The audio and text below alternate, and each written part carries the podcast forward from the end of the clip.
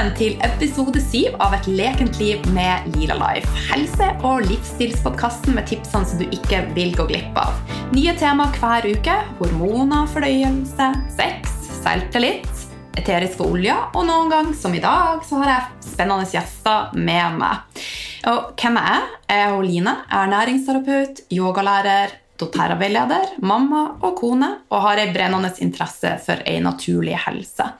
Jeg har vært alvorlig syk i mange år, eh, men nå, 42 år, så er jeg friskere enn noen gang. Så mitt mål med denne podkasten er å vise at det er mulig å gjøre en stor forskjell med små endringer, brikke for brikke, steg etter steg. Og jeg blir veldig glad for alle delinger og også konstruktive tilbakemeldinger på iTunes eller Spotify. I dag så har jeg med meg en av de klokeste, men samtidig hjertevarme, menneskene som jeg vet om, og det er hun Gry Hammer. Jeg er også veldig stolt av å kunne kalle henne venn og konemor, så får dere spekulere i hva jeg mener med konemor. Gry hun har i mange år fremma eh, en sunn og bærekraftig eh, livsstil. Og hun eh, har inspirert meg i mange, mange år. Hun har skrevet flere bøker, hun er kursholder, blogger, hun er også yogalærer, eh, kone, mamma, og har bl.a. studert litteraturvitenskap.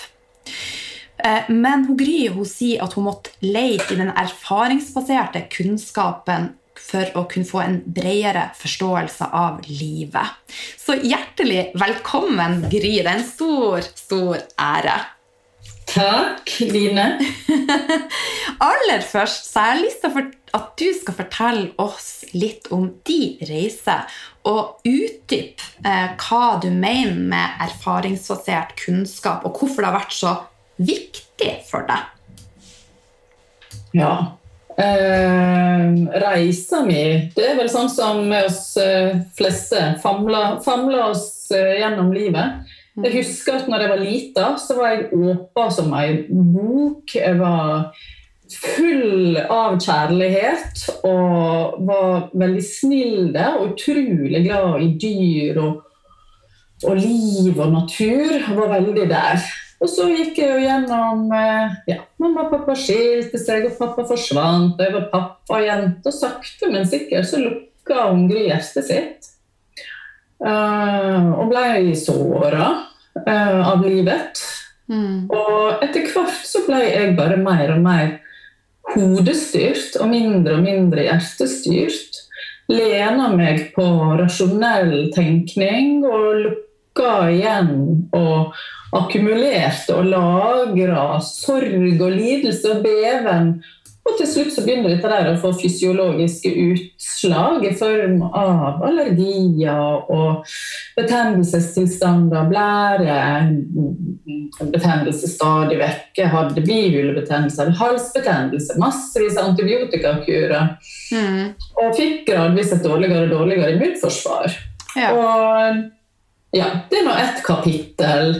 Masse, masse, masse greier. Så jeg har jo en lang eh, akademisk utdannelse som et resultat av at jeg gikk etter eh, hodestyrte og rasjonelle og ville gjerne være flinke og vise hvor intelligente jeg var, og hvor flink jeg var, og hvor suksessrik jeg kunne bli, og gikk den veien der, da. Mm. Og så har jeg jo i løpet av livet forstått at nå tror jeg snart at jeg har vist verden hvor flink jeg kan være, så nå har jeg begynt å drite i det, så nå har jeg tatt av meg BH-en, og jeg eh, sier det jeg vil, og jeg griner når jeg vil, og jeg ser på tårer som eh, edle dråper, og jeg eh, ser på hver en tåre som en stor styrke, og viser både meg sjøl og verden. Så jeg tror jeg har en helt annen opplevelse av hva det vil si å være en sterk person og et hjertestyrt menneske i dag enn det jeg ja. hadde når jeg hadde glemt meg sjøl. Ja. Ja. Glemte hvem jeg var i ganske mange år. Ja. Og nå har du funnet deg sjøl? Jeg rota meg Det vekk tilbake igjen til dette her eh, rasjonelle, lineære mm. eh, ja, nok det. Og så er noe med at hele samfunnet vårt er bygd opp på disse patriarkalske eh, um, strengene som vi på en måte også må klare å balansere på da, og spille på. Og så forbeholder vi retten til å, å være hjertestyrt og med de bivirkningene det har. Jeg får meg jo stadig vekk en på trynet, har nylig fått det. Så nå ja. jeg er mye på yogamatta. Bruker mye mm. konkrete øvelser for å få kontakt med hjertet mitt og den åndelige dimensjonen av, ja. av det å være et menneske. Ja. Vi kan ikke bare springe rundt og være flinke. Nei, det går ikke. Men så er det jo også noe sånn at uh, alt som ikke Eller alt, alt, motgang gjør oss litt sterkere, da. Så at, uh, det regner jeg med du òg har erfart, at du blir sterkere selv om du går på små smeller innimellom. Ja. ja. Så. Det tror jeg absolutt. Men uh, jeg tror det er også viktig etter hvert, når en iallfall blir voksen, mm. og har gått på noen smeller, at en etter hvert begynner virkelig å kjenne etter hva som skjer i kroppen når ja. en får disse smellene. Mm. Og så begynner det å leve i tråd med det som en kjenner riktig for en sjøl. For selv om, selv om jeg kan ha forbilde eller se opp til andre, så er det ikke sikkert at deres måte å håndtere livet på er riktig for meg. Nei. Og Det vet ikke du uten at du tar deg tid til å kjenne etter hvordan du har det sjøl. Helt, helt klart. Men litt tilbake til kosthold. Eh, jeg vet at du har prøvd flere forskjellige kostholdsretninger. Eh, og du har bl.a. vært vegetarianer. Eh, mm. Fortell oss litt om de matreiser, og hvorfor du har landa på det kostholdet som du har i dag. Og hva som er viktig for deg når du setter sammen måltider gjennom en dag. For å gry. For å gry, ja. ja. Nei, eh, reiser Jeg husker, altså jeg har levd på det helt vanlige fiskepinne, kneip, eh, lett majones, lettmelk. Alt som var riktig ifølge statens eh, kostholdsråd mm. i min oppvekst, 70-80-tallet. Mm. Med vidunderlige innslag fra søndagsmiddager fra mamma og besteforeldre med blodmat og innmat. og ja, skikkelig næring. da. Så Jeg visste jo også hva det var, og hadde en veldig dragning imot det. Som ja. 16-åring så, så jeg en forferdelig dokumentar om hvordan dyr ble behandla under dyretransport i EU, og valgte å bli vegetarianer over natta uten kunnskap om ernæring. Og det var ikke så lurt. Det var vel sikkert ikke så lurt å leve på det kostholdet jeg hadde heller. Nei. Eh, så det ene var ikke så mye bedre eller verre enn det andre. Eh, men jeg tror ikke det bidrar til god helse hos meg. Og sånn cirka medio har jo alltid vært veldig sånn urtete og, og hatt en veldig sånn helsekost-heliosdragning oppi ja. alt det her. Det har jeg hatt. Ja. Men eh, jeg oppdaget vel blodtypedietten sånn medio 20-åra. Da skjedde det veldig mye positivt eh, med kroppen min. Men jeg fikk ikke opp næringsstatusen min. Jeg fikk vekk allergier og disse her ja, Jeg fikk jo vekk gluten og melk som gjorde at jeg mye ble bedre, men jeg fikk ikke vekk betennelsestilstandene. Og de forsvant vel først etter at jeg fikk tradisjonsmaten med det der. At jeg ikke var redd for fett lenger, at jeg forsto hva som var sunt fett. Eh, at jeg tok inn igjen kjøttmat, men at jeg også inviterte innmaten din, hele dyret. Og i det ligger det også en bærekraft eh, og en nærhet til naturen som man ikke får ved å bare spise indre og ytre filet. Ja. Eh, fermentert mat og drikke. Um, og når jeg skifta kosthold tilbake igjen til det mer sånn animalsk, så åt jeg fryktelig mye animalsk mat i en periode for å tror jeg finne balansen igjen. Mens jeg nå kjenner at nå får jeg gjerne også veldig lyst på det grønne. Spesielt nå når det våres. Da kjenner jeg at ja, ja, periode som midt på sommeren så kan jeg være nesten vegetarianer. Mm. Og så når uh, oktober-november kommer, så har jeg lyst til å stupe ned i sånn feite, nærende, jordende gryteretter. Kraftsuppe. Ja. Så du følger sesongene og prøver å benytte av det som er tilgjengelig fra naturen, og det som det gir oss, rett og slett? Ja, jeg kjenner iallfall at hvis, jeg, hvis jeg tillater meg å leve mest mulig naturlig, så er det det jeg dras imot rent intuitivt. da. Mm. Det kjenner jeg òg personlig, at jeg har eh, behov for andre ting når det er varmt og det våres. Det, mm. ja. Og det tror jeg er et problem for mange, at vi ikke klarer å Du prata litt om det å følge eh, det som kroppen din signaliserer til deg, og følge intuisjonen. Eh, og det er ikke så lett hvis man har et overstimulert nervesystem og alt er bare her oppe. Nei. Nei. Og det valgene blir lettere når vi er i balanse. Mm. Ja. Men eh, i forhold til bærekraftighet, du nevnte det så vidt. Eh, kan ikke du forklare litt hva, hva, det innebærer, og hva det betyr for deg? Eh, men også for oss andre. Hva det vil si? Altså, hva er bærekraftighet? Bærekraftighet er jo sånn som vi valgte å leve. Altså, hvis du ser på hvordan alle urfolk har levd i uminnelige tider før vi i Vesten har rota inn alkohol og hvete og maskiner og vårt stressende liv, så har eh, alle urfolk, som også enda er uberørt, en eh, evne til å leve et bærekraftig liv. Dvs. Si at du lever i takt og i pakt med naturen, og at du nærer og ærer naturen og deg sjøl og de rundt deg mm. på en måte som, eh, som gjør at genene dine kan bli videreført på en hensiktsmessig måte, uten at du tramper ned moder jord og ødelegger på din ferd. Og hvis du ser sånn, altså sånn gammel indiansk ordtak, så er det tanken at hver handling du gjør, enten det er verbalt eller tankene dine eller fotavtrykkene dine fysisk, de skal være bærende sju generasjoner fremover i tid og bakover i tid. Og i det er det det ligger en bærekraft. Og det gjelder også hva du velger å si til deg sjøl når du ser deg i speilet, disse her repeterende tankene du har inni hodet. Hvor bærekraftige er de? Mm. Er de med på å bygge deg opp til å bli et kraftfullt menneske i deg sjøl? Hjelpe tankene du har, som du forteller deg sjøl, hjelper de deg på veien din til å leve et liv i takt og i pakt med det du tror på, og i tråd med dine verdier. Og så jeg mener at Bærekraft ligger ikke bare i at du skal velge økologiske gulrøtter kontra konvensjonelle, det er på alle plan. Ja. Det er litt en forslitt uttrykk, men jeg liker å dra det fram og bruke det skikkelig og, og legge mening i det. Ja. Utrolig eh, bra svar. Så det Ja, veldig fint. det syns jeg. Det, der lærte jeg noe nytt. men det er jo veldig mye snakk om at eh, det å innta kjøtt er skadelig for miljøet og ikke bærekraftig. Og jeg syns sjøl at det er kjempevanskelig å argumentere, eh, men jeg syns du er så flink eh, og har liksom alltid de gode argumentene. Kan du si noe om det?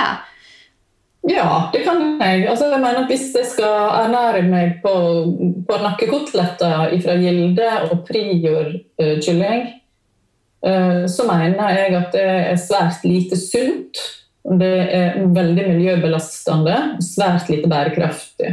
Ja. Å putte ku på en bås der den skal stå etter kraftfôr og bæsje konsentrert ned i et hull, det er svært, svært eh, miljøbelastende. Ja. Det ødelegger grunnvannet. Vi forgifter vassdragene våre. Det er helt forferdelig. Mm. Men det er verken kua eller grisen eller fuglen som er problemet. Det er jeg og du og måten vi velger å forpakte naturen på, og måten vi velger å drive jordbruk og landbruk på. Sånn at du kan bruke den samme kua, den samme grisen og samme fuglen til å binde karbon, til å nære jorda. Hvis de får lov å ete og vandre og fise og bæsje der de skal og er meint å gjøre det, altså leve et naturlig liv og ete naturlig mat. Ja. Da vil jeg være med på å bevare moder jord, istedenfor å ødelegger den, sånn som vi gjør i dag. Så det er ikke meningen at jeg skal stå på bås og sementgulv og ete, ete soyabønner i form av kraftfôr. Det er noe som er riv ruskende gale. Og da vil jeg være en ambassadør for disse stakkars dyra som får skylda for å være sånn klimaverstinger. For det er ikke de som er det, det er vi. Ja. Ubente. Ja. Og en annen ting som skjer når eh, dyrene da ikke får rett fôr og de ikke har det bra, så påvirker det også kvaliteten, som igjen forplanter seg i vårt system. Kan du ja. fortelle litt om det? Ja, det er jo noe med fettsyrebalansen i de dyra som blir helt forferdelige. Det er miljøgifter som akkumuleres i kroppen og i vevet, og i fettvevet deres spesielt. Ikke levra nødvendigvis, sånn som mange tror, men mye fettvevet. Um, det er det henger sammen. Og det er det vi må forstå og ta tilbake. Vi lever i et veldig sånn stykkevis og delt verden der du uh, setter alt, til, alt lit til enten det er en diett eller en autoritet, eller det er um, at du har funnet ut at magnesium er veldig bra, eller at du har lest en artikkel i KK om at gurkemeie er bra for alt mulig. Mm. Og så blir vi veldig sånn opphengt i disse detaljene, og så glemmer vi helheten. Og det er ganske vanskelig å leve et helhetlig liv og forstå helheten når vi, når vi lever sånn som vi gjør. Eh, veldig, veldig ja, Lurer veldig på hva som skjer med de ungene som vokser opp i dag. Men de er ikke egentlig de som er verst. Mm. Sitter og filer på disse neglene våre og flyr hit og dit. og og styrer på med, med sånn her, veldig sånn her sånt, sånt blikk. Og det, det, er ikke bærekraftig. Nei. For å dra inn det ordet igjen. Ja. Ok, Når vi snakka litt om hvordan en vanlig dag for Gry var, da nevnte du eh, fermentert mat og drikke. Mange vet eh, hva det er, eh, men for nye lyttere og for nye som er med her via på livesendinga, kan ikke du forklare litt hva fermentert mat og drikke er, og hvorfor du anbefaler det i det daglige? I gamle dager så brukte vi det her som konserveringsmetode for å ta vare på maten, sånn at vi kunne ete den over lengre tid. Eh, så vi fermenterte for å forhindre forråtnelse. Og I dag er det liksom myte, man er redd for den fermenterte maten, vi er redd for bakteriene, og det er så skummelt. Men det er tvert imot dette her en måte å behandle maten på for å unngå at den blir skadelig. Og I tillegg så får du bonuser i form av at du danner seg organiske syre, du får oppvekst av bakteriestammer som du vil ha med intensjon, og som du dyrker fram med vilje fordi du vil ha akkurat deg og deg. Uh, og det er i dag en veldig fin motvekt til all den her uh, pasteuriserte, uh, vakuumpakka maten som er tilsatt alle ja. mulige slags konserveringsmidler. Sånn at maten vår er veldig steril i dag. Eh, før i tida åt vi mer levende mat. Og det gjenspeiles i dag også i tarmfloraen vår. Når vi da kanskje har tatt en del antibiotikakurer og lever på mat som, som er helt eh, steril, så blir det lite og Ikke bare det måten vi lever på, også det er så rent rundt oss. Alt blir så sterilt at vi blir helt ribba for immunforsvar inni oss. da. Ja. Så det er en måte å kanskje være med på Ikke en måte å kanskje, det er en måte å bygge opp ja. uh, tarmfloraen din igjen. Ikke bare sitte og måke i seg masse surkål og kombucha og tro at alt blir bra. Det er jo en helhet der du ja. Jeg mener at du kan ete både kjøtt og fisk og grønnsaker og urter og kraft og potet. og vakkert og, og variert islett av fermentert mat og drikke. Ja, Så er det morsomt også. Ja, og så godt. Eh, så Det er jo også en viktig mm. faktor i det her at det er jo fantastisk godt. Eh, og det skal vi ikke glemme. Jeg elsker kombucha. Det er jo livsglede og ja. livskvalitet. Ja. Både, mm. altså, Vannkever også nydelig. Men et eller annet som altså Det med surkål og sånn kan jo hvis du er en sukkermoms og spiser mye prosessert mat, så gjør det noe med smakssansene. Så jo mer naturlig man spiser, jo bedre vil det også smake. For at man liker mer bitre, litt surere eh, smaker. Har du erfart det, ikke sant? Ja, så jeg opplever jo at smaksløkene eh, må omvende seg ifra å elske fiskepinner og remulade og nudler og ostepop og Pepsi Max, så trenger jo smaksløkene en viss tid på seg til å omstille seg og forstå hva som er assosieres med nytelse. Hva er det jeg skal mm. ete når jeg skal unne meg noe godt? Må jeg ete et kilo ostepop og pelle med meg 1,5 liter Pepsi Max for å ha fått den følelsen av at jeg har unna meg noe godt? Mm. Um, for det er jo sånn Stakkars ungene mine. Husker det, Nå eter de jo alt mulig drit, ikke sant? for nå er de så store at nå bestemmer de sjøl og freser rundt. Men ja. når de var små, så fikk jeg stakkars ungene, altså. Du er så strenge. Um, de må jo få lov å kose seg. Og dette der syns jeg er så dumt. Vi koser jo som glugg i hjel. Og så er dette der en sånn samfunnsoppfatning om at vi skal kose oss med dette kose oss med denne maten som bryter oss ned både fysisk og, og psykisk. Noen tåler det forbausende godt. Jeg er jo gift med en mann som tåler dette her strålende. Eller jeg tror ikke noen som tåler strålende, men noen tåler iallfall tilsynelatende bedre. Ikke det ja. Altså, ikke la seg påvirke, sånn, men jeg er veldig følsom. Ja. Eh, jeg er følsom for omgivelsene mine, jeg er følsom for maten. Jeg er følsom overfor folk og vibrasjoner og frekvenser. og jeg lar meg veldig påvirke av den maten jeg eter. Mm. Eh, både positivt og negativt. Ja. Jeg merker det fryktelig fort. Ja. Men det er et viktig poeng, det du sier nå. Jeg var i Trondheim i helga, og da var det en litt eh, eldre Eller det var en mann hvert fall, som sa at det som er en stor feil i samfunnet nå, at vi har overflod av mat, vi har overflod av tom mat. Eh, mm. Og skal kose oss, som du sier, gløgg i hjel. Så det er liksom ikke stas på lørdagene lenger å dra frem mm. eventuelt en pose potetgull, for vi har det mm. tilgjengelig hele tida. Ja. Så vi må jobbe litt med tankesettet vårt, rett og slett. Og, eh, ja, og la mandag være mandag, og la hverdag være hverdag. Jeg mm. digger hverdager, men det er jo også for at jeg jobber mentalt med at jeg skal digge havregrøten min. Det skal liksom ikke være fest hver en dag. Mm. Ja. Mm. Enig. Ja. Kraft er også Du er jo eh, både fermenterings- og kraftdronning. Det er ikke fantastisk? Jo, du er jo Det smykker seg med disse titlene. Ja, jeg, jeg, er liksom bare hun lekne, mens du er dronning både her og der. Eh, men kraft er jo også veldig godt. Men det er òg supermat. Eh, fortell litt om kraft, hvorfor det er så bra for oss, og hvordan man kan komme i gang med kraftkoking. Det er Hvis jeg skal si det enkelt, så er det suding, som det heter på godt norsk. Um, vi har brukt det i uminnelige tider på mhm. syke og svake folk. For at de, det er ingen mat som bygger og reparerer, og som er mildere og linnere å fordøye. Uh, mange av de som har lest bøkene mine og fulgt meg, når de har et sånn nedsarva um, immunforsvar og så nedsarva fordøyelse at de ikke tåler noe som helst, så er det mange som klarer å bygge seg opp på ren kraft. Og sakte, men sikkert tilfører de gjerne kyllingkraft eller hønsekraft. Sakte, men sikkert tilfører litt kjøtt fra denne krafta.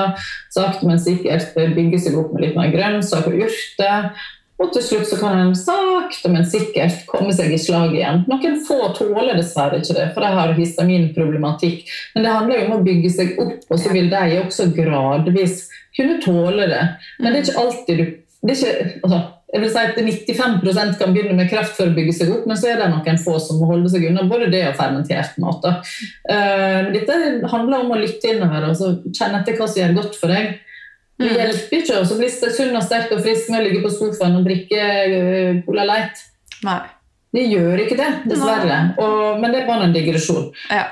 Kraft. kraft. Jo, det tilfører aminosyre, som er veldig betennelsesdempende og um, cellegenererende, da, rett og slett. Sånn at du får bygd opp tarmslimhinnene dine. Mm. Det er med på å utfylle proteinbildet. Hvis du kost, hvis du har en, en, svak fordøyelse, og du har spist mye brødmat og mye rent kjøtt, og du kjenner at du plages og promper og styrer på, så kan det være veldig lurt å drikke en kopp kraft om ikke du på en måte forstår hvordan du skal lage kraftbaserte retter, eh, og ikke har tenkt å kjøpe boka med kraft og andre styrkedrikker for å lære det heller eller Den moderne jeger, snikreklame, eh, så eh, er det bare å ta og drikke en kopp kraft til hvert måltid, så er du sikker på at alle måltider blir mer komplette. Du får et mer utfyllende aminosyresammensetningsbilde, og du vil fordøye alle karbohydrater, alle proteiner, bedre ved å tilføre det til alle måltid.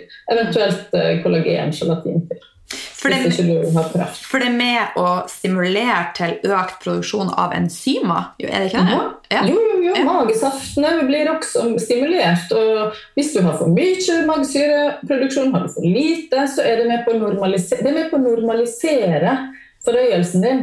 Og det er ikke sånn at du vil gå rundt om og ha sånn, at du vil sprute magesyre sånn at du kan fordøye stein. Vi vil være normale, vi vil være i balanse. Det er det vi jakter på.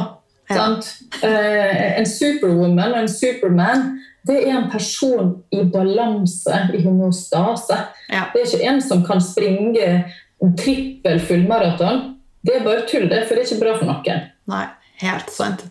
Og Det jeg prata om i de forrige episodene i forhold til det med hva det gjør med kortisolnivåene. Eh, men et stort problem eh, er jo det med fordøyelsen. Mange eh, klarer ikke å fordøye kjøtt. Og det er jo basert på at de faktisk mangler enzymer. De mangler eh, nok magesyre. Så da er tipset start forsiktig med litt kraft, så vil du da øke enzymproduksjon og også regulere magesyra. Mm. Og så kan jeg få lov å si noe mm. oppi det, for det er veldig riktig det du sier. Mm. Uh, så er det noe med at maten er blitt vår nye religion, fordi vi er jo så ugudelige. Uh, og da slå et slag litt for det her åndelige, men det kan vi komme tilbake til, kanskje. Men det er faktisk det, neste spørsmål. Ah, ja, men, men, en overgang til det, da, så er det det her enteriske nervesystemet vårt. Mm. For da er det på en måte et sånn mellomleg mellom eh, magen og ånden. Ja. så har vi det enteriske nervesystemet. Og, og du kan faktisk Apropos disse tankene du har om deg sjøl hver gang du ser deg i speilet. Jeg er sikker på at du kan tenke deg til skitmage. Uh, det er ikke alltid at alle skal begynne med å koke kraft og fermentere. Noen kan like så godt finne seg en kvalifisert person å snakke med, eller noen som resonnerer til deg, og få rydda opp i hodet. Eh, mm. noen må faktisk begynne der, og det er mye mer hensiktsmessig å lære seg stressmestringsteknikker, enten det er en tur i skogen, eller om det er yogamatt, eller, eller, om det er å begynne på et dansekurs og lære deg salsa, mm. whatever. Bare sånn at du kommer på frekvens og får rydda litt opp i hodet ditt og kjenner på litt livsglede, så kan du bare det være med på å øke enzymproduksjonen din og, og regulere magesaftene dine, sånn at du fordøyer maten bedre. Mm, veldig veldig godt eh, poeng. Og det viser jo også forskning at eh, mennesker blant annet som spiser og er ensom, eh, det påvirker eh, fordøyelsen mye, men helsa generelt. Eh, og jeg prøvde, eh, når jeg var nå ute på reise, så spiste jeg to identiske måltider, men med forskjellige omstendigheter. Der det var mm. ganske trasig den ene gangen og superstemning den andre. Og mm. måten jeg reagerte på Eh, på samme måltid var veldig forskjellig. Mm. Så det viser bare hvor viktig akkurat det er. Ja, og så det, viser det også hvor viktig det er å opparbeide seg en kroppsbevissthet, som mm. du viser nå at du har gjort. ikke sant? Mm. Du klarer å kjenne etter. Oi, her er det en sammenheng. Jeg åt det samme, men jeg reagerer veldig forskjellig. Hva var det, og hvorfor det? Og da har du også muligheten til å begynne å rydde litt i ditt eget liv, og kanskje du neste gang kan unngå den situasjonen. Eller kanskje neste gang velger du å ikke spise den gangen fordi du vet at oi, nå var jeg i samme setting. Det er ikke lurt å ete da, for å fordøye rett og slett dårlig. Mm. Og Det er jo en slags bevissthetsprosess også som jeg er veldig opptatt av å, mm. å snakke om. det. Ja. Men eh, altså, Vi har prata litt nå det, om det med stress og nervesystemet. Eh, men alle mennesker vi har jo et grunnleggende eh, behov og et ønske. Og det å ha det bra, og vi ønsker at livet skal være lekent. Eh, og en god helse og altså Det er flere faktorer enn mat som spiller inn. Magen er jo veldig sentral for mange, og som en gang vi får smerter i magen, så reflekterer vi over at nå er det annet jeg har spist eller drukket som jeg ikke tåler. Men det er jo mm. mange faktorer som kan være med å skape eh, uro i systemet og magen. Og jeg vet sjøl den følelsen av å ha en sånn kriblende eh, følelse, en ubehagelig følelse i magen. Eh, hva tenker du er viktig for eh, magefred? Viktig for magefred mm. å rydde opp i de nære relasjonene dine. Ja. Det det jo ikke sånn til deg, men til, til, oss alle. Sørge for at de nære relasjonene er funksjonelle. Uh, um, Grine ut alle tårene som ligger lagra i systemet ditt, og som du ikke trenger å ha der. Um, ja, Du må rydde opp, og så må du vite hva som er dine verdier. Du må finne ut hva det er som er din grunn, grunnbase, og så navigerer du gjennom livet der. Mm. Og da vil du oppleve mye mindre friksjon med omgivelsene dine. Av og til så må du stå opp for deg sjøl og rydde opp og være tydelig på en måte som kan føles ubehagelig og skape midlertidig mageufred. Men da står du faktisk opp for deg sjøl, og det vil du mm, få gevinst av lenger framme ved at du faktisk torde å stå opp for deg sjøl. Det tror jeg er ekstremt viktig for å få magefred. At du finner ut hvem du er, og forteller verden tydelig og vennlig hvem du er. Og Hvis de ikke forstår det, så må du kanskje av og til være enda tydeligere for å nettopp få fred og sette de grensene rundt deg som må til for at du kan leve et helt liv. Ja. Um, og et riktig liv for deg. Og Da mener jeg ikke at du skal bli sånn egotripp, men det handler om å vite hvem du er. Ja. Og hvis du blir oppspist av alle andre sine energier alle andre sine behov og blir sånn utslettende mamma som skal bare gå rundt og please Jeg har jo en anlegg for å være sånn overempatisk. Og til slutt så blir jeg bare en liten fis. Og det vil ikke jeg være i mitt liv. Og da må jeg av og til rydde opp og være litt ekstra tydelig. Enten det er noe i jobbsammenheng eller hjemme rundt kjøkkenbordet. At jeg må si fra at nå, hei, nå har jeg rota meg vekk igjen. Her er jeg, og sånn er det. Ja. Take it or leave it.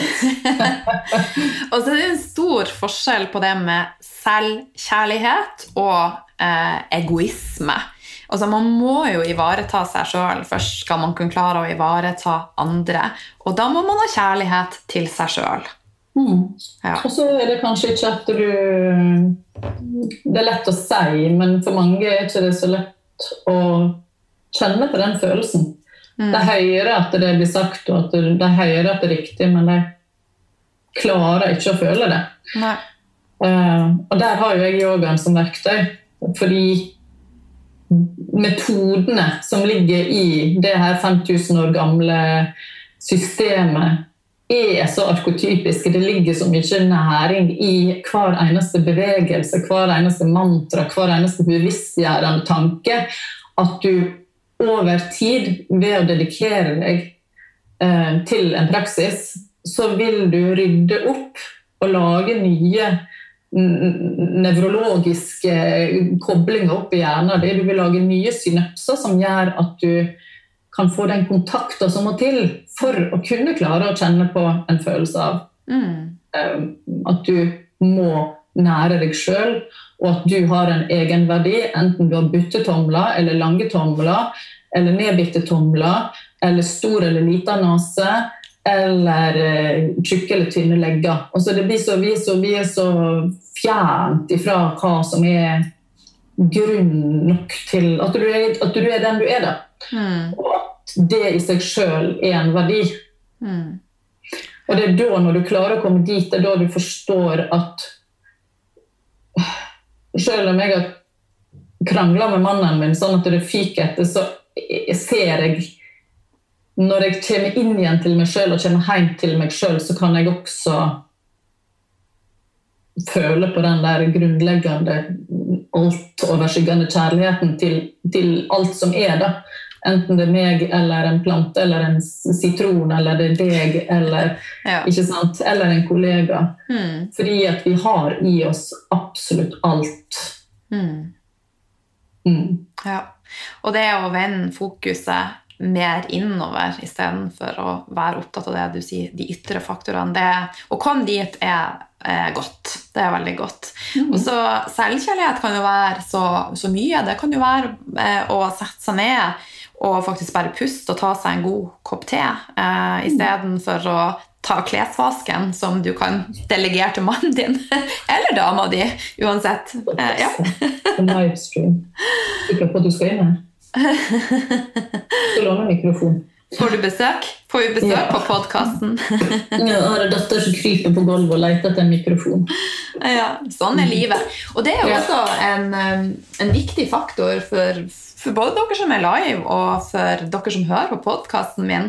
Jeg er en person som er viktig altså For meg er det viktigere å få ut et budskap enn at ting skal være perfekt. Så jeg sitter hjemme og spiller inn dette. Og hun Gry sitter på sitt kontor hjemme, og det vil si at av og til så kommer det ei datter krypende inn, og av og til så kan det være en hund som bjeffer. Det er bare sånn livet er. Jeg frykter lyst til å ta to flåger i taket her også. Der, der, går empatien stoppa med, med, med, på flugeplan. Ja. Ja. Ok. Ja, vi får overse dem Hvis ikke du hører dem, så får jeg eh, meditere deg bort. Ja, du vel sjøl, eh, Gry, hvis du har lyst til å, fjerne det. Det, kan ta et par minutter, så jeg tror ikke vi skal bruke podkasten din til at jeg klasker flåge. Jeg kan ta når jeg er ferdig. ja. Du skal bare ta, Tar du ikke litt sitrongress du kan spraye? Ja, nå hadde ikke jeg noen av disse her uh, men jeg, jeg, har jo lukka sånn, så selv om de skyr det som pesten, så blir de fremdeles i rommet. Ja. Da skru av lyset, sånn at vi sitter i dekkmørkene. men det blir rart igjen. på det. Ja. Ja. Nei, det viser det vi. Men du, når jeg spurte deg eh, om du vil være med, så sa jeg også at du kunne få lov å, å være litt av det vi skulle prate om. Eh, og en av de tingene du ville prate om, var livskunsten. Så jeg har litt lyst til å, jeg er veldig, veldig nysgjerrig. Hva, hva mener du eh, med livskunst, og hva er det for deg? Første gangen jeg hørte om det, det var når jeg var på, på Kreta og holdt foredrag og yoga og eh, snakket til flere folk over flere dager. Og da kom det ei svensk dame, ei voksa dame på 70 år. Så sa han til meg du Gry, du er en livskunstner, sa han. Og da tenkte jeg hva er nå det for noe, da? Det var jo et fint ord. Og så, og så skjønte jeg at eh, når jeg fikk undersøkt dette ordet, så er det jo et begrep som Arne Næss brukte mye, og skrev mye om i en bok som heter 'Livsfilosofi' også. Ja. Det handler egentlig om å se det store i det lille. At du klarer å At du klarer å nyte denne havregrynsgrauten din på mandagsmorgen. Livskunstner! Yeah! Ja, du er det. Um, at du finne en måte å finne glede i de tyngste At du finner mening i livet ditt, enten det er mørkt eller lyst. Mm. Um, og da må du tilpasse deg. Det, du må ha en viss evne til kreativ tilpasning. Det er for så vidt en menneskelig styrke evolusjonært sett også. Um, så det handler om for meg å bevege meg dynamisk gjennom livet fordi at alt er i utvikling. Det er mm. derfor jeg er så irritert på forskninga.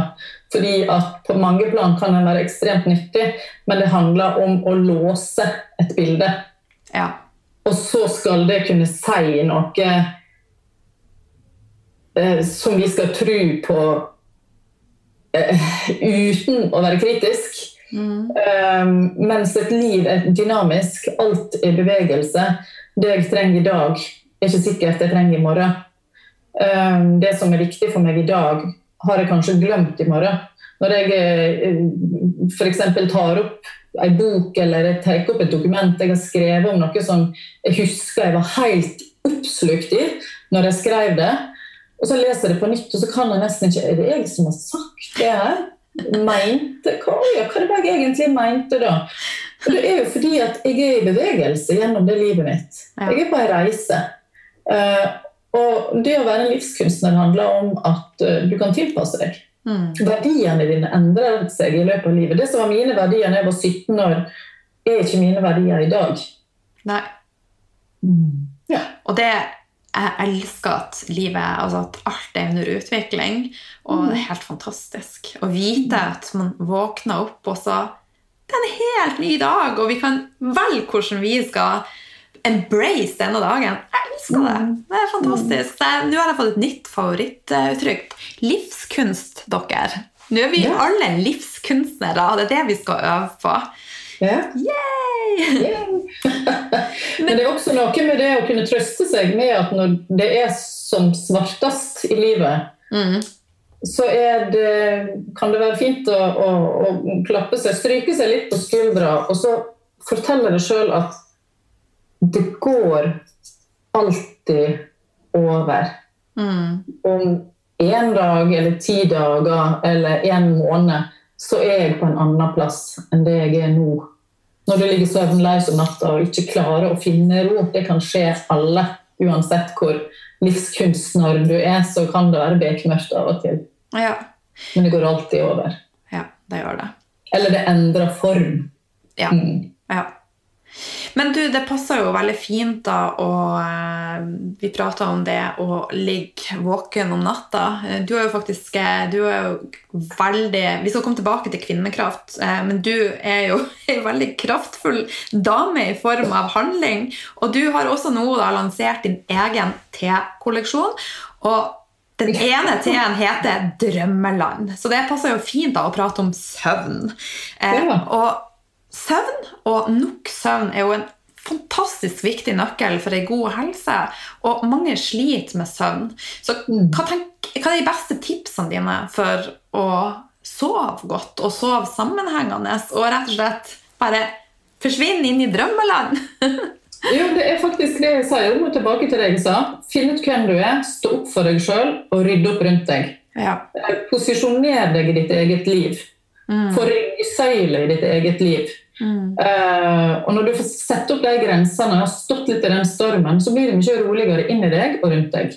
Ja. Fordi det blir tydeligere rundt deg. Mm. Det tenker jeg er ekstremt viktig. Og så er det veldig lurt å slutte å drikke kaffe mm, senest klokka seks. For meg er det klokka tolv på dagen.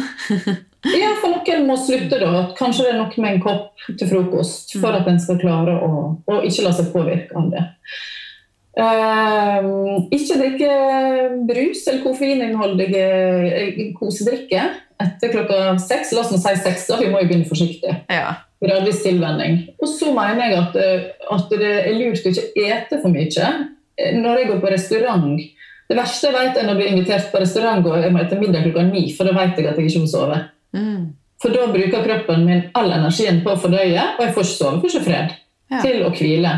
Så jeg er nødt til å ete det siste måltidet mitt sånn i sju-åtte-tider. Hvis jeg er kjempesvolten, så kan jeg ta meg ei lita skjeve eller lite, en liten bit, sånn at det ikke er sulten som gjør at jeg er urolig og ikke får sove. Ja. Men at jeg ikke har full mage. Det er faktisk viktig. Uh, og jeg har veldig godt av beroligende eterisk olje, beroligende uh, urter, urteteer. Det er veldig virkningsfullt på meg. Mm. Da drikker jeg en urtete med lavendel og og humle, eller smør i nesa med lavendel og vetiver og ja, ylang, neroli. Eh, veldig nyttig for meg mm. for å sove godt om natta. Mm. Um, Så du bruker neroli for å støtte søvn? Det var spennende. Mm. Ja. Mm. ja. den er veldig beroligende. Mandarin. Veldig den Mm. Og, det, og, det, er alt dette hva, som, hva, slags olje som passer til, til, deg for å sovne nok. Og Det kommer, kommer an på hva som er grunnen til at du ikke får sove. Ja. Hvis det er en stressrelatert årsak til at du ikke får sove, så kan det være veldig nyttig med olje som, som, som resonnerer og taler til det. Hvis det er fordøyelsesrelatert, at du har spist et måltid som gjør at du er så stinn i magen og så vondt i magen, så kanskje det er veldig godt for deg å, å, å ha en beroligende, mageregulerende eh, kanelolje, f.eks. En som er god for magen, men som ikke stimulerer for masse. Mm. Mm, ja. ja. Og Da må en bli kjent med seg sjøl og vite hva en holder på med. og hva som er grunn, forstår, og så bli litt nysgjerrig på ja, hva det ligger her og styrer med. Og da er det sånn eh, tankekverning, er det det jeg driver med? Er det sånn, de mekanismene som er årsaken til det? Så, ja. Men uansett, å velge en beroligende, velge beroligende omgivelser, eh, bruke vanlig lys istedenfor syntetisk eh, gult lys um, Kanskje du trenger å samle energien din. Kanskje det hjelper oss å skrive ned et par setninger. at du bare får samle deg. da. Ja. Lager en sånn ritual, kanskje. Soveritual. Hiv ut mannen din hvis han snorker sånn at du ikke får sove. Um, Eller ta en dråpe eterisk olje bak ørene og tunga. Det funka, det òg. På mannen? Ja. Bak, bak tunga? Det er sånn Åpne munnen, jeg skal bare kvelde flaska bak der. Mens den snorker, så ja. Stakkars bjørn. Ja. Ja, men du, tilbake til det med eh, søvn. Eh, det, er veldig mye snakk om eh, fullmåne og månesyklus, og at det påvirker søvn. Har du erfart det? Ja, jeg er helt tullerusk når det er fullmåne. Du er det? Ja, ja, ja. ja. ja. Det ligger lys så det er Av og til når jeg ikke har fulgt helt med og ikke er helt sånn in tune, så er det, og det er overskyer så, så, kan jeg ligge, og så er jeg helt søvn, søvnløs, og så er klokka to, og så klokka halv tre, og så ligger jeg fremdeles der. og så helt sånn ja. Og da kan jeg si nå er jeg sikker på det fullmåne, og så sjekker jeg det ut, og så er det det. Ja. Så det er helt spesielt. For meg er det helt spesielt, men jeg blir også veldig kreativ. Da. Så, så jeg har begynt å vende det over til noe positivt. Mm. Men det er fordi jeg vet at det er fullmåne. Hvis jeg hadde visst at det var nymåne og jeg lå der, så hadde jeg vært sur og gjort alle andre grep. Sant? Fordi da hadde jeg blitt irritert. Men når jeg vet det er fullmåne, så er det opp å skrive eller gjøre noe kreativt. For da kan jeg benytte meg av den. Ja. ja. Så lurt. Den, ja. Ja, Jeg har ikke vært reflektert over det, men forrige helg jeg var i Oslo, da tror jeg det var fullmåne, og da sleit jeg skikkelig med å sove de dagene rundt eh, det. da. Men det er veldig lurt det du sier, at hvis man først sliter med å sove, så er det lurt å komme seg opp og bruke eh, å bryte opp, for det første, og kanskje vri det til noe positivt. Eh, mm. en som jeg hører mye på, som jeg sikkert har nevnt tusen ganger, det er John Maxwell. Og mange av bøkene som han har gitt ut, har han skrevet på natta når han ikke har fått sove. Aldri hørt om hvem er det? Han er helt fantastisk. Du må, eh, du må høre, eh, høre, på han. Han er eh, over 70 år og veldig klok. Hva kalte han for? John Maxwell. Fantastisk. Jeg har hørt lydboka hans. Jeg hører på den gang nummer tre nå. Eh, og skal vi se, jeg har boka hans òg i papirformat her. Eh, den her eh, leser jeg nå for dere som er live. The det er 15. Jeg klarer aldri å uttale her. Involuble Loves of Growth. Eh, men den går da på et personlig plan, så det vil alle kan ha nytte av det. Det går rett og slett på sånne enkle grep som du har prata mye om i dag, og prøve å snu om måten vi tenker på, og være eh, mer livskunstnere, rett og slett. Mm. Ja. Mm. Så er, han er veldig klok. Han er i utgangspunktet prest, men den er boka og hans eh, livesending og sånn er ikke eh, av et religiøst altså Det er ikke så mye religiøst. Det er veldig lite. Så du, ja. Jeg syns vi må begynne å bli litt mer religiøse, eller finne noe ut større enn oss sjøl. ja, noe ja. som er større enn bare dette her eh, håndfaste mm. som vi driver nå. Jeg tror vi har rota oss vekk. Vi har, vi har, behov for noe mer. Ja. Og han er, han er en religiøs mann, da. Det er han. Mm. Yes. Mm. Eh, litt eh, Vi skal begynne å avrunde snart, eh, men det er mye fokus på kvinnekraft om dagen. Eh, og hvordan finner du eh, kraft i deg sjøl, og hva betyr kvinnekraft for deg? Og ja, Hvis du skal fortelle litt om det? Altså, det å være en kraftfull kvinne handler om å tillate deg sjøl å være kvinne. Mm. Og, og kaste vedhåen, sånn som vi har gjort. Eller du har gjort. ja, så det er jo, så Hva er det vi skal vi kapsle inn det mest kvinnelige vi har? Det er jo egentlig en hån imot det kvinnelige. Det skulle jo sprette og riste og med både rumpe og pupper. Det er, jo, det er, jo, det mest kvinnelige vi har. Uh, bring it on! Ja. uh, vi er mer uh, omsorgsfulle, og vi er mer følsomme fordi det ligger i grunnfesta genene våre at vi skal ta vare på og favne om og følge med og verne om det som er nært oss. Og hvis vi skal gå rundt om og leve et manneliv og i en manneverden med mannelogikk mm. og spille bare på lag med den der eh, frekvensen der, så, så drukner kvinnekraften. Og den blir pakka inn og putta inn i et skap. Mm. Så, for har, så for meg handler kvinnekraft om å tillate meg å leve i syklus tillate meg å Jeg hadde fotoshoot til nye boka mi på lørdag. Mm. Og jeg hadde en ganske kraftig menstruasjon. Jeg var kjempesliten etter Det har vært veldig mye styr eh, i livet mitt jobbmessig i det siste. Jeg var helt utslått. Så jeg lå stort sett på en sofa eller på gulvet mens hun var og tok bilde. Så begynte hun å ta bilder av meg mens jeg lå på gulvet.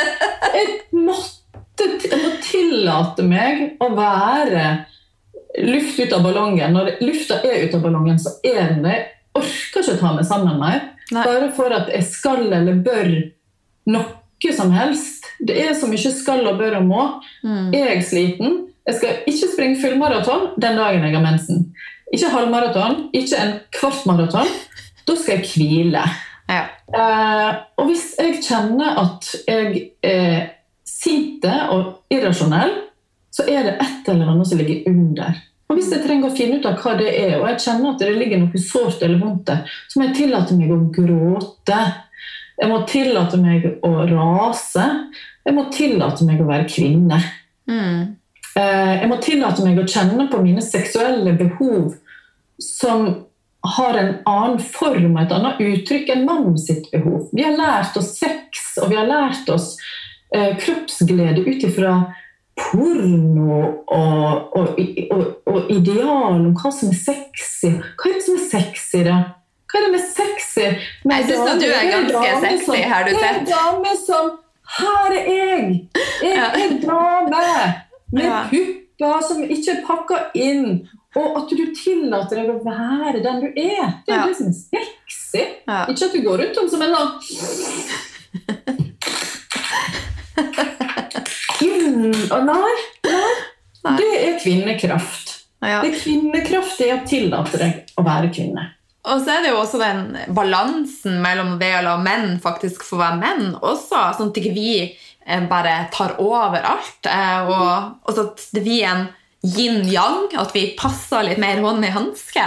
Eh, det er jo også et viktig element oppi det hele. For vi damer er jo litt sånn Vi skal klare alt, og vi skal gjøre alt. Mann og kvinne er kjempeforvirra nå. De er ja. kjempeforvirra. Ja. Uh, mannen veit ikke hva han skal gjøre fordi at alt er feil. og vi vet nesten ikke hva vi skal gjøre, fordi det er feil. All, ja, vi surrer med veldig masse rødt, for vi skal være prikk like, og det går ikke. Vi er ikke prikk like. Men at vi skal ha like mye verdi mm. og like masse respekt, selvfølgelig skal vi det. Mm. Men det er, jo, det er, jo, menn som også er full av yin og yang. Ja. Eh, og noen er veldig full av det ene, og noen er veldig full av det andre. Så det er jo ikke sånn at alle menn er like, alle kvinner er like. Nei. Nei, Det er også et viktig, viktig, poeng. Så Vi må få lov å være der vi er. da. Vi Være litt sånn individualisme samtidig. Og jeg tror kanskje at vi klarer å ta bedre vare på, på de rundt oss hvis vi også mm. kan være der vi er. da. Ja. Så kvinnekraft, apropos det, så kom det en mann innom Ur, butikken vår på Løkka. Mm. Han var muskuløs, han var flott, sterk mann. Han kom inn og kjøpte kvinnekraft. Han måtte ha en pose til, fordi han syntes den var så god at uh, han hadde drukket opp uh, fruen sin kvinnekraft. Han syntes det var litt vanskelig for å lete fram den rå urkvinnen i deg, står det på posen. Det syntes han kanskje var litt vanskelig, men han uh, likte godt kvinnekraft. Han kunne godt stå for at han drakk kvinnekraft. Yes. så bra. ja. Ok, Helt sånn avslutningsvis. Eh, balanse i livet har vi snakka litt om, og det er jo viktig. Eh, men hva gjør du for balanse i ditt eget liv for deg sjøl, som deg, Gry, og for din egen helse? Nei, det er for å Det er langt ifra alltid jeg klarer det. Mm. Og som sagt, nå har det vært mye i det siste. Jeg har vært unormalt trøtt i det siste. Eh, og da tillater jeg meg å hvile. Mm. Apropos fotoshoot på gulvet og i sofaen. Jeg eh, bruker sikkert to timer på yogamatta daglig nå. Oh. Jeg eh, tar dybdeavspenning, yoga nidra, én til to ganger for dag. Så bra. For å hente meg inn igjen. For jeg klarer ikke det sjøl. Eh, jeg klarer ikke å bare gå gjennom livet og gå på butikken og sitte rundt bordet med ungene mine. og jeg kjenner at jeg må verne om mitt rom, og det klarer jeg å finne da ved metodisk oppsøke den matta og de yogiske teknikkene Eh, veldig veldig mye. Og Da vet jeg, og jeg har tillit til det, for jeg har gjort det før og vet at det funker.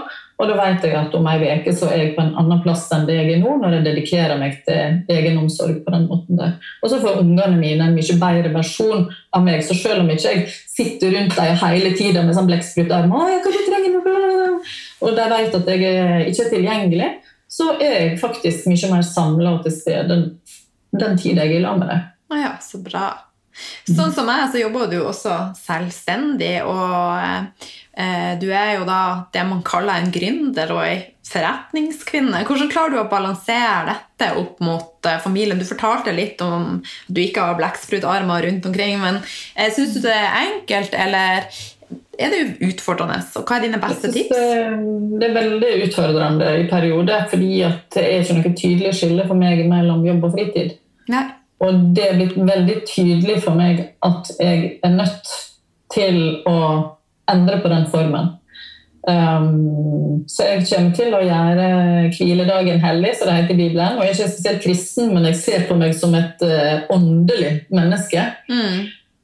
Så jeg kommer til å verne mye mer om meg sjøl og min private sfære fremover. Um, fordi det er en måte Og jeg trenger ikke være tilgjengelig hele tida. Hvis noen blir sur på meg for ikke svare på en mail, så må de faktisk bare bli sur på meg. Um, jeg kan få mailer. jeg Beklager at jeg maser. Nå har jeg laga gingerbug til å lage fermentert ingefærøl. Uh, det begynner å kjøle seg ned. Skal jeg ta det nå? Eller skal, og så sånn, Tror du at jeg sitter på søndagskvelden og Jo, nå må du bare, nå skal du høre her. Du må gjøre det sånn. Så jeg tenker at um, Og jeg tror også at jeg har skjemt folk bort. Jeg har brukt utrolig mye tid på nett. Jeg har svart alle døgnets tider. Så det er noe med at jeg sjøl har vendt mine følgere min familie, mine omgivelser, til å tro at jeg alltid er tilgjengelig. Ja. Der er omsorgsfulle Gry som alltid er til stede for meg. Men jeg må være til stede for meg selv også. Mm. Og Det er viktig som gründer å forstå. Det kan være en liten reise, spesielt når du er sånn overempatisk, som jeg er i, i naturen min. Mm. Så når du forstår at du til slutt eh, sitter og egentlig bare server mange tusen mennesker sine behov, og glemmer dine egne, da, du, da, er du ute av balanse. Da må du ja. finne kursen din igjen. Det er jo ikke så og, bærekraftig. Ja. Nei, det er ikke det. Og vi er ikke skapt for å sitte, og det, vil, og det har jeg også prata mye om, at vi er for mye på. Så det, ja, vi er nødt til å, å lukke slusene litt. Grann. Ja, vi er det. Vi blir tydeligere på det. Og det ser jeg jo nå når jeg sitter i en manusinnspurt. Da skrur jeg på telefonen min på flymodus. Jeg er av Facebook nesten hele dagen.